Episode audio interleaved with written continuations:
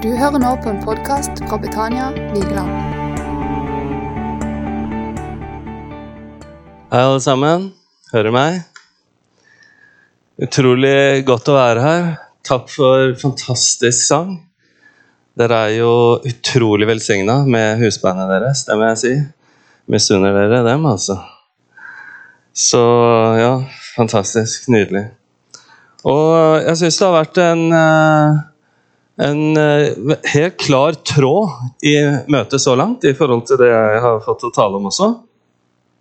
Og jeg bare lese ett vers her, eh, hvor det står Hvor Jesus sier til Ja, han sier at dette er hans vilje som har sendt meg, at hver den som ser Sønnen og tror på ham, skal ha evig liv.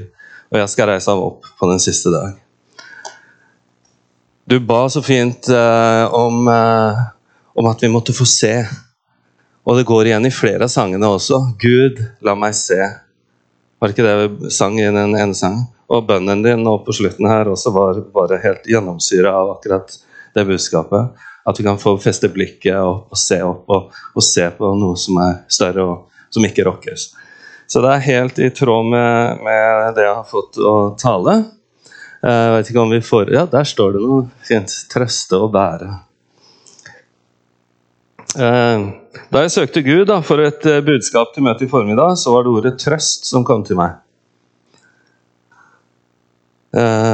Så jeg tenkte jeg ville være lydig og lytte meg inn til Guds hjerte. Og ved Guds nåde få tale inn til deres hjerter, og mitt eget inkludert. Og Vi begynner med å lese den teksten som som jeg har eh, referansen til der. 2. Korint 1, 2-7. Nåde være med dere og fred fra Gud vår Far og Herren Jesus Kristus. Lovet være vår Herre Jesu Kristi Gud og Far, barmhjertighetens Far og all trøsts Gud. Han som trøster oss i all vår trengsel, så vi kan være i stand til å trøste andre som er i all slags trengsel, med den trøst vi selv blir trøstet med av Gud. For slik Kristi lidelser kommer til oss i rikt mål, blir også vår trøst rikelig ved Kristus. Lider vi trengsel, er det til trøst og frelse for dere. Og det får sitt uttrykk i tålmodighet i de samme trengslene vi lider. Om vi trøstes, er det til trøst og frelse for dere. Vårt håp for dere står fast. For vi vet at slik dere har del i lidelsene, skal dere også få del i trøsten. Amen. Ja, Herre Jesus, jeg stiller meg fram som din tjener, Herre. Pappas gutt. Den som Jesus elsker. Jeg er helt overgitt til deg, Herre. Takk at du elsker menigheten din. Og jeg ber at uh, vi skal få lytte oss inn til ditt hjerte sammen og få høre hva du vil si oss i formiddag. Amen. Vi lever i ekstreme tider. Alle er vel enige om det. Ekstrem uro, ekstrem nød, ekstrem fortvilelse. Som vi kan ramse opp. Ekstreme tider. Vi opplever det både fjernt og helt nært. Og er det noe vi alle trenger nå, både for egen del og for dem vi har rundt oss, så er det trøst. Vi er ikke de eneste eller første til å ha det sånn. Det står i Apostlenes gjerninger 9.31. Etter at eh, Paulus hadde herja i menighetene og forfulgt dem like til døden,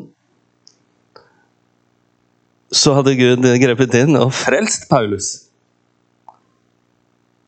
Og så står det at menigheten over hele Judea, Galilea og Samaria hadde nå fred og ble bygd opp, og ved at de vandret i Herrens frykt og i Den hellige ånds trøst, ble de stadig flere.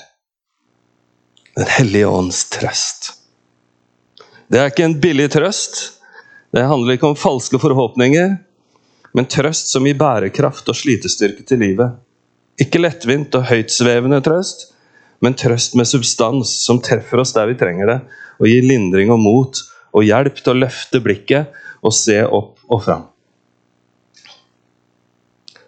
Både under Altså, jeg hører liksom lyden kommer og går, men han er kanskje konstant i salen. Det er bare her hos meg det er liksom litt sånn. Ok, fint. Både under og etter kampen mot Britas kreftsykdom så fikk vi utrolig mye støtte og kjærlighet fra nært og fjernt. Utallige mennesker hjalp og oppmuntra oss som best de kunne, og mange sendte gode ord.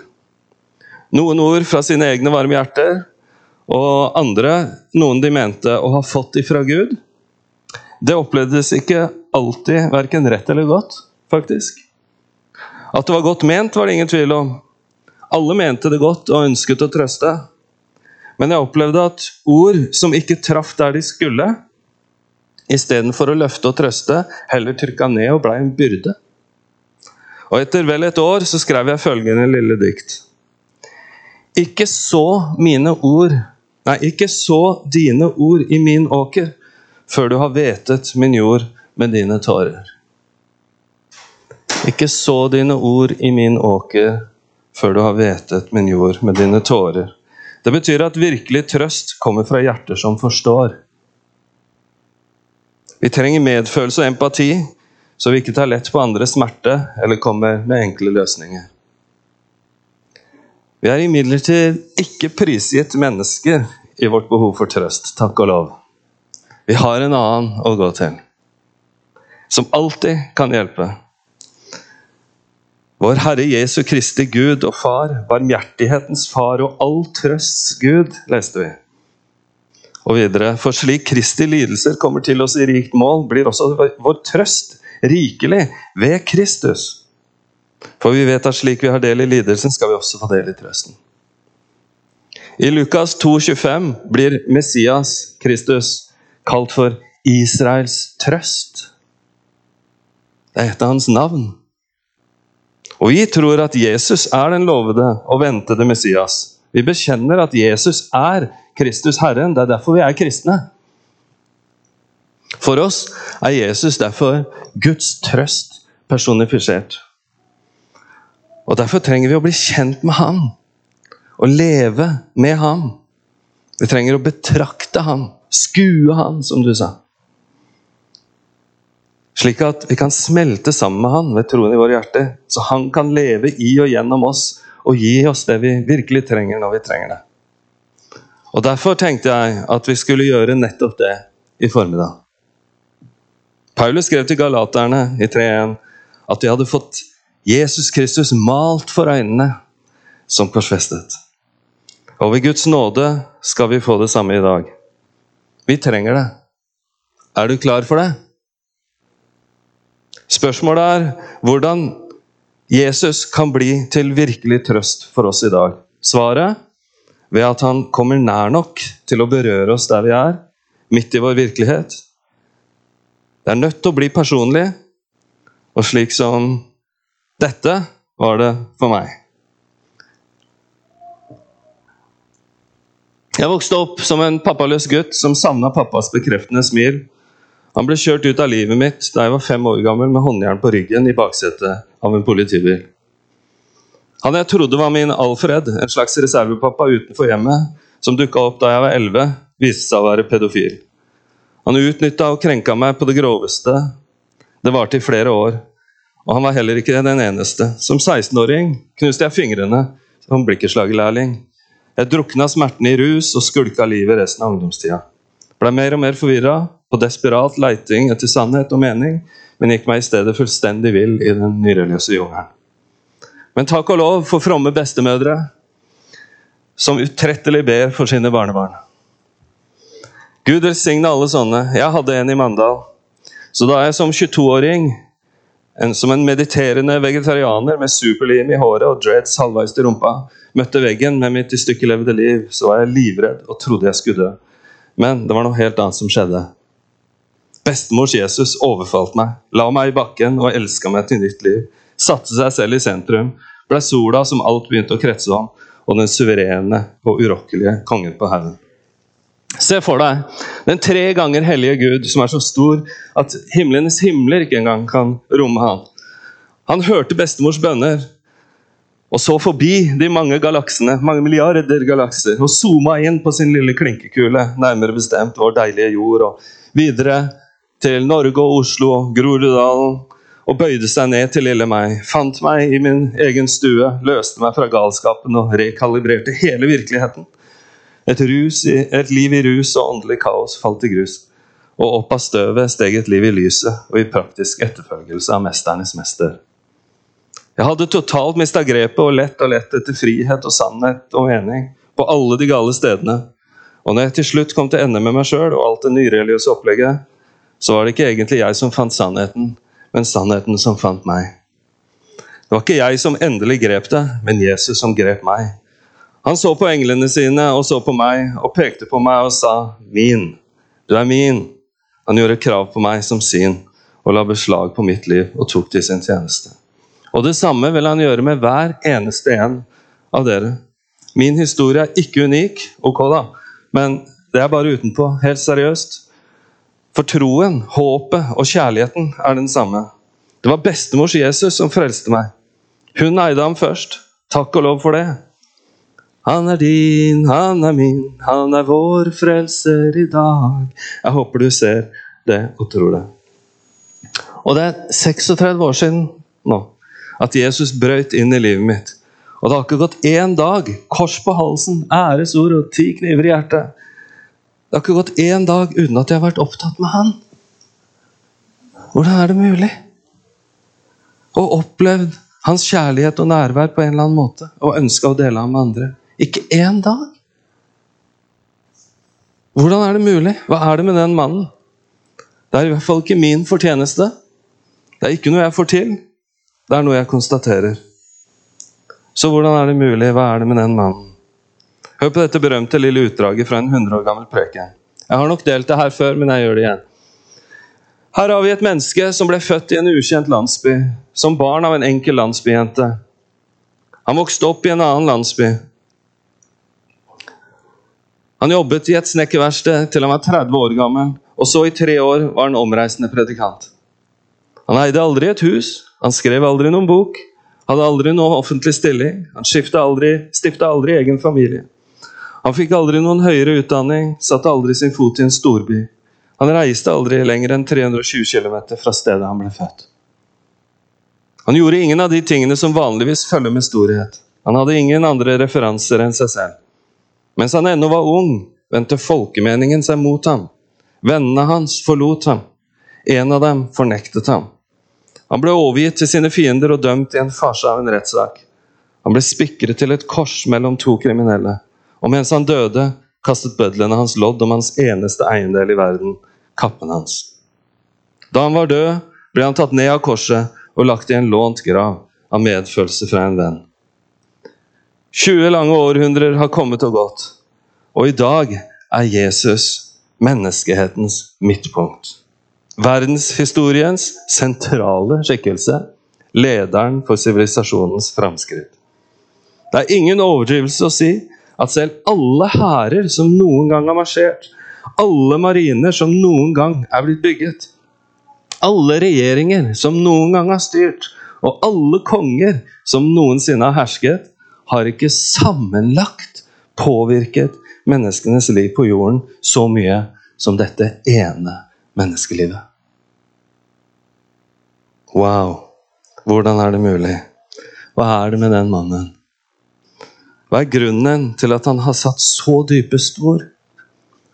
Ikke bare i mitt lille liv, men i hele verdenshistorien. På hele kloden og i milliarder av menneskers liv. Hva er grunnen? Her er mitt forsøk på et svar.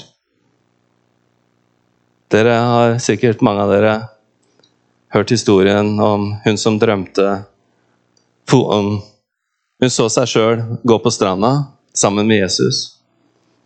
Og hun fikk eh, forståelse for at det, denne vandringen her, det var egentlig et bilde på hennes liv. Og, eh, og hun så da at det var to par med fotspor i sanden. Og de gikk der sammen. Så så hun ikke lenger seg selv, men hun så bakover. Og hun så liksom sporene. Og så legger hun merke til at det er noen steder at det bare er ett par spor i sanden. Og hun eh, kunne ikke forstå det, fordi Jesus hadde lovet at han aldri ville svikte henne og forlate henne. Han ville alltid gå med henne. Og så Ikke nok med det, men du ser jo at eh, der hvor det bare var ett spor i sanden, der var det jo det var jo de vanskeligste tidene i livet. Det var de mørkeste stundene.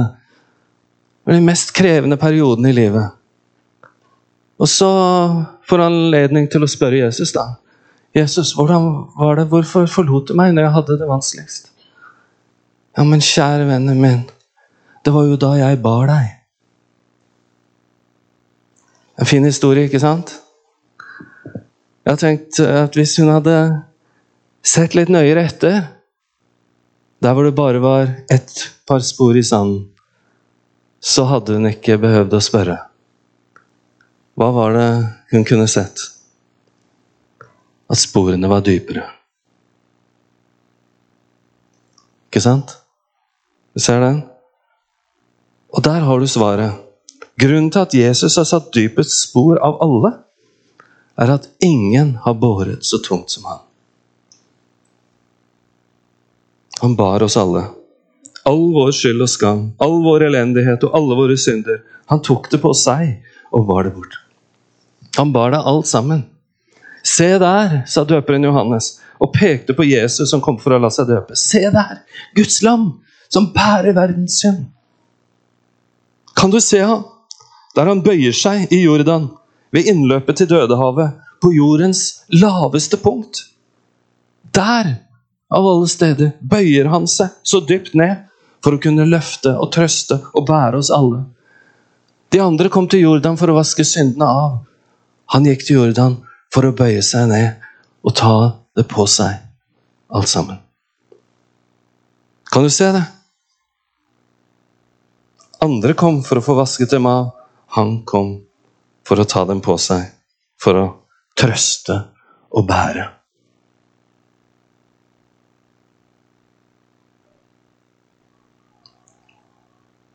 Kan du se ham?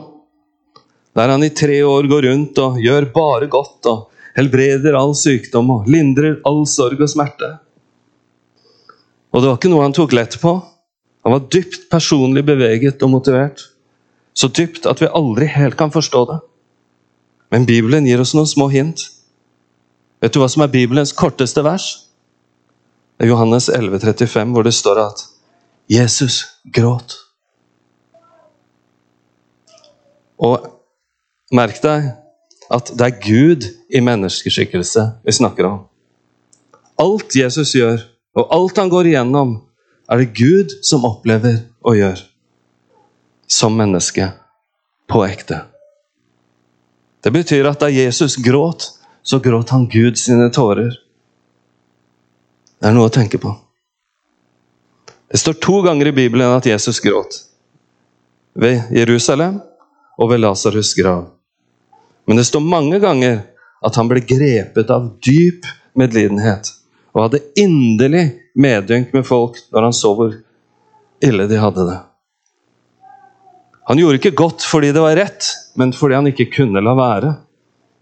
Han var ikke utenfra styrt av plikt og behov, men ovenfra og innenfra styrt av fars impulser og sitt eget gode hjerte. Alt han gjorde, speilet hans indre og viste hvem han virkelig var. Det var ingenting tilgjort eller påtvunget ved ham. Det greske ordet som beskriver den dype følelsen som alltid beveger ham til handling, er ordet splagnitsomai, som kommer av splagna, som betyr innvoller eller indre organer. Og på hebraisk står det for det aller innerste og dypeste i mennesket. Når det står om Jesus at han fikk inderlig medynk, så betyr det at hans indre vred seg i smerte. Det er kanskje å trekke det litt for langt, men jeg må tenke på min elskede Brita, som fikk tarmsleng på sine siste dager. På toppen av alt. En livstruende tilstand med akutt og ubeskrivelig smerte som det er helt umulig å ikke handle på.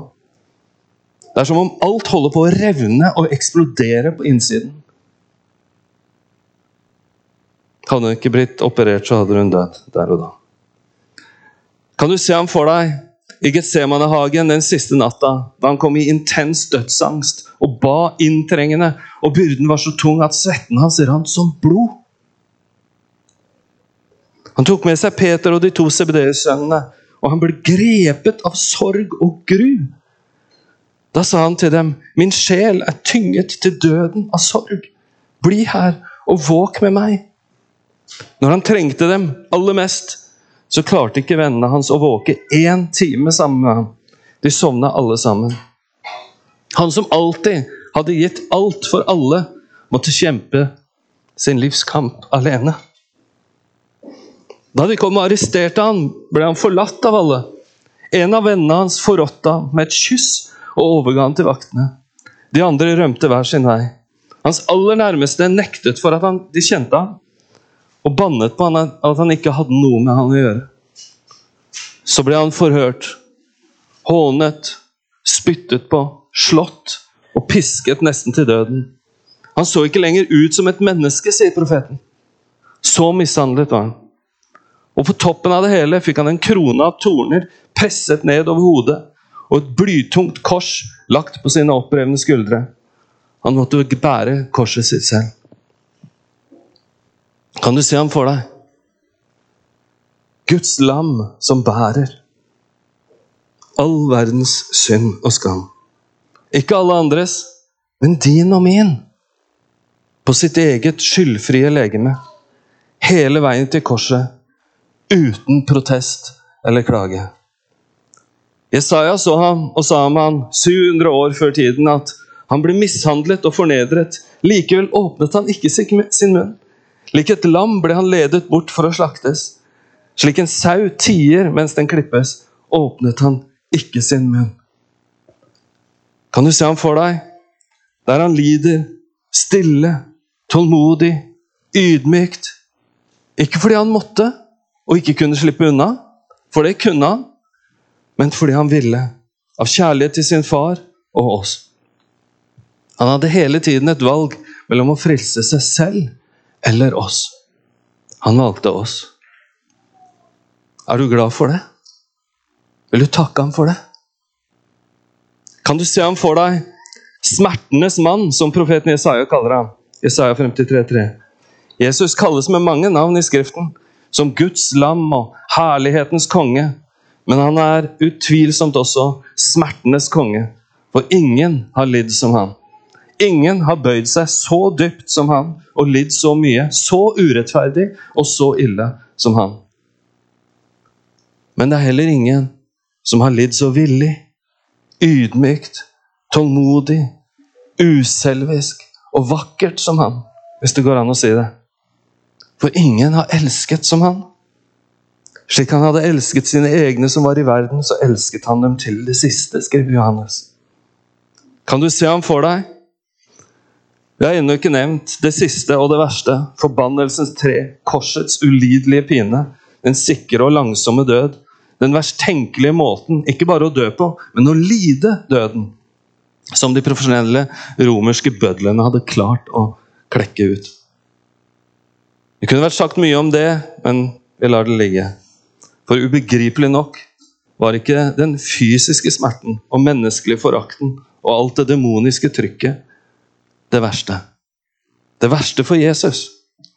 For Faderens eneste, helligste, reneste, elskede sønn fra evighet var det som skjedde fra sjette til niende time.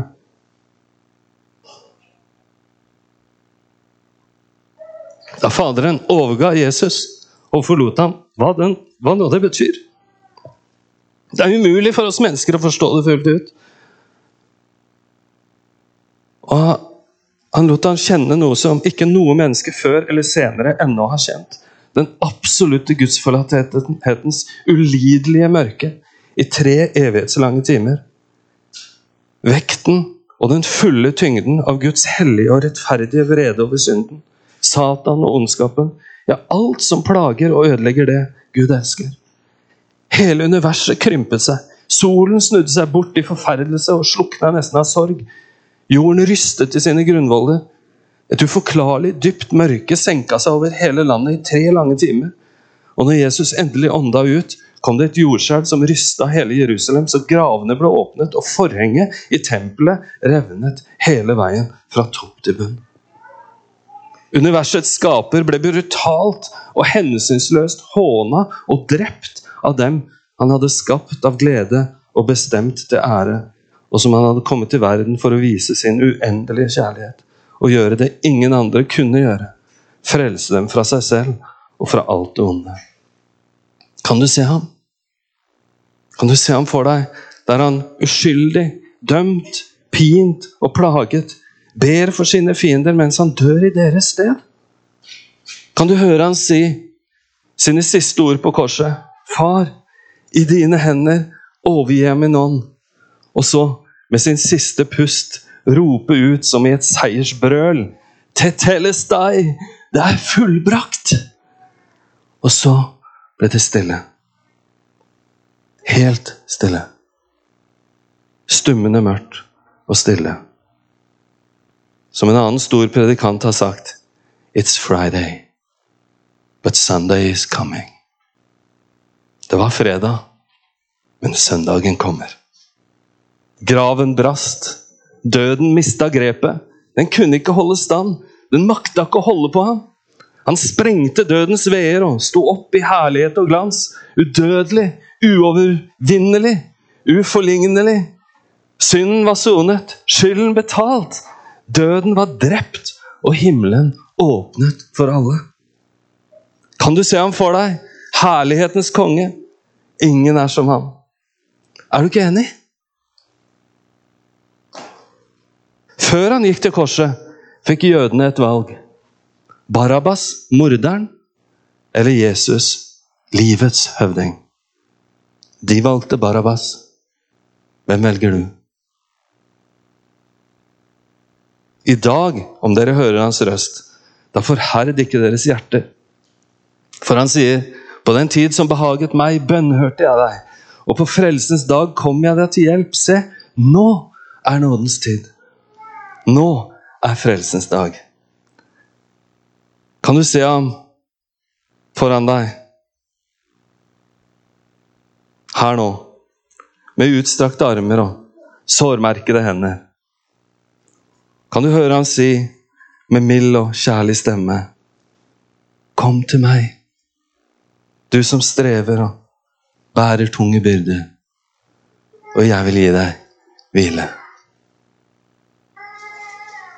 Da har du salige ører. Som Jesus sa til sine disipler, salige er deres øyne, for de ser, og deres ører, for de hører. Sannelig sier jeg dere, mange profeter og rettferdige ønsket å få se det som dere ser, men fikk ikke se det. Og høre det som dere hører, men fikk ikke høre det. De visste ikke hvor velsignet de var. Ordet 'salig' betyr den høyeste form for oppnåelig lykke under himmelen. Kan du se og høre ham banke på ditt hjerte? Da må du ikke bare være ordets hører, men også dets gjører. Og du skal være salig i din gjerning, skriver Jakob. Nå er nådens tid. I dag er frelsens dag. Om dere hører hans røst, da kom til ham. Kom til han som vil trøste og bære. I dag er Jesus nær oss ved sin ånd. Han er så nær som det er mulig å komme.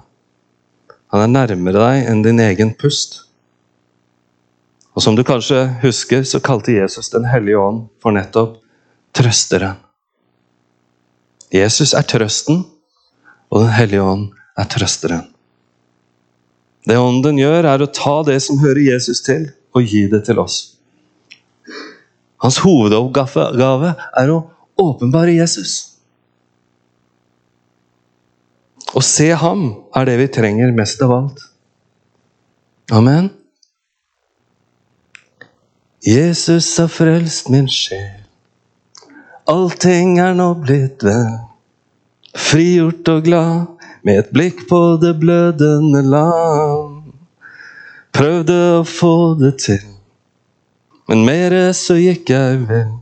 Nå er jeg fri, jeg er frelst, med et blikk på det blødende land. Ingen er så skjønn som Jesus. Ingen er så herlig som han. Ingen er så ubeskrivelig. Han er den skjønneste som fins, han er høyt over alle og alt. Kan du si amen til det? Har du sett ham? Hvorfor er det så kraftfullt og herlig, så virkningsfullt og viktig å se ham? Jo, for i ham er alle visdommens og kunnskapens skatter skjult til stede. Og fordi Gud har gitt oss evig liv, og dette liv er i en sønn. Den som har Sønnen, han har livet. Men den som ikke har Guds sønn, har ikke livet. Dette har jeg skrevet til dere, skriver Johannes, for at dere skal vite at dere har evig liv, dere som tror på Guds sønns navn. En annen gammel sang går slik. I himmelen er det mange ting jeg ønsker å få se, av skjønnhet som alt annet overgår. Men når jeg når det landet og i herligheten står, jeg ønsker å se Jesus først av alt. Jeg ønsker å se Jesus først av alt, før jeg på noe annet navn har kalt. Og så i evighet jeg ser Hans herlighet.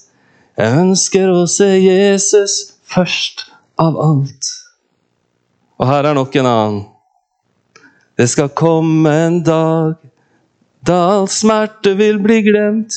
Ingen tordenskyer mer, ingen tårer der vi ser. Alt er fred og evig vår i det land hvor Herren rår. Hvilken underfull dag det vil bli. Ja, hvilken dag det vil bli når min Jesus jeg får se. Når for hans fot jeg kneler ned, som en gang døde i mitt sted. Når han tar meg ved sin hånd og leder meg til løftets land. Hvilken underfull dag det vil bli.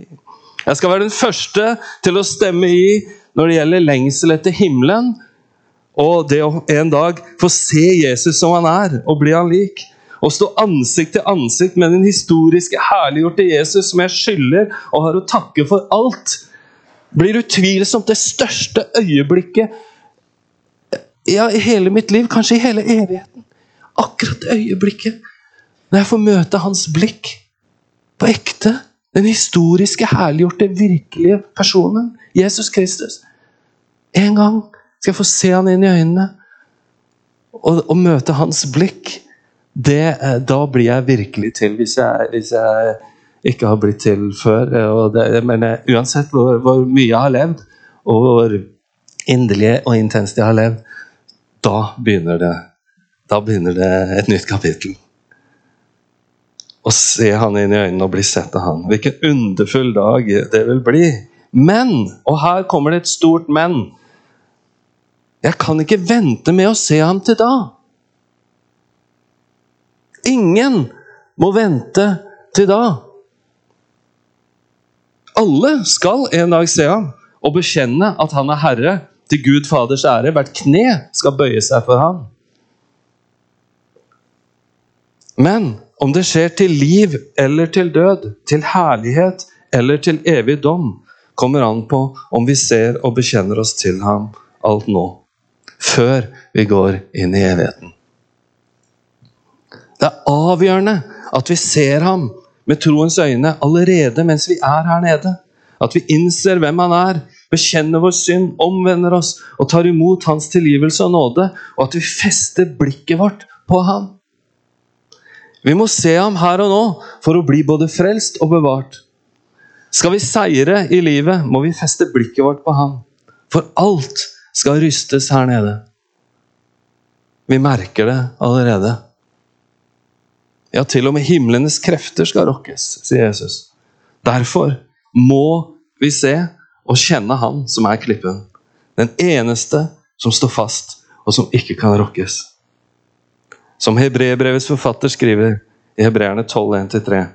Derfor skal også vi, siden vi er omgitt av en så stor sky av vitner, legge av enhver byrde og synden som så lett fanger oss, og løpe med utholdenhet i det løpet som er lagt foran oss, mens vi ser på Jesus, troens opphavsmann og fullende. På grunn av den gleden som var lagt foran ham, utholdt han korset, aktet ikke på skammen, og har nå satt seg ved høyre side av Guds trone. Se på ham, som har holdt ut en slik motsigelse fra syndere, for at dere ikke skal bli trette og motløse i deres sjeler. Kan du se ham? Har du festet ditt blikk på ham? Dere kan komme opp. Det er det som er spørsmålet. Og svaret er ditt. Er det, er det sånn man sier? Det er spørsmålet, og svaret er ditt? Ja. Kan du se ham? Kan du si nei til en sånn kjærlighet? Jeg tenker at han er Israels trøst. Han er Guds trøst til deg og meg.